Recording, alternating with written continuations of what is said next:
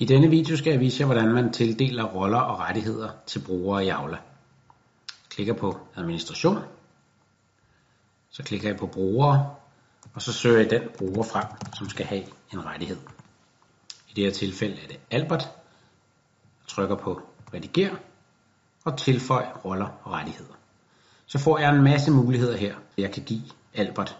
Jeg kan for eksempel gøre Albert til institutionens administrator ved at klikke her får han tildelt en masse rettigheder.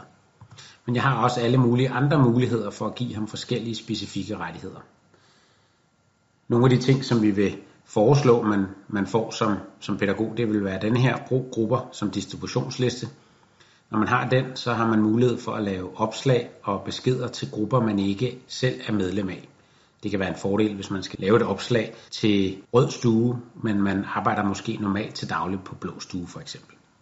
En anden ting, som kan være nødvendig at have, det er den, der hedder håndter komme gå. Det betyder, at man har mulighed for at sætte komme gå skærmen op på institutionen.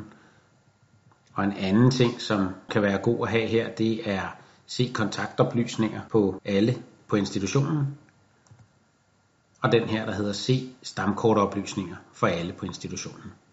Når jeg har valgt de rettigheder, jeg gerne vil give, så trykker jeg på gem.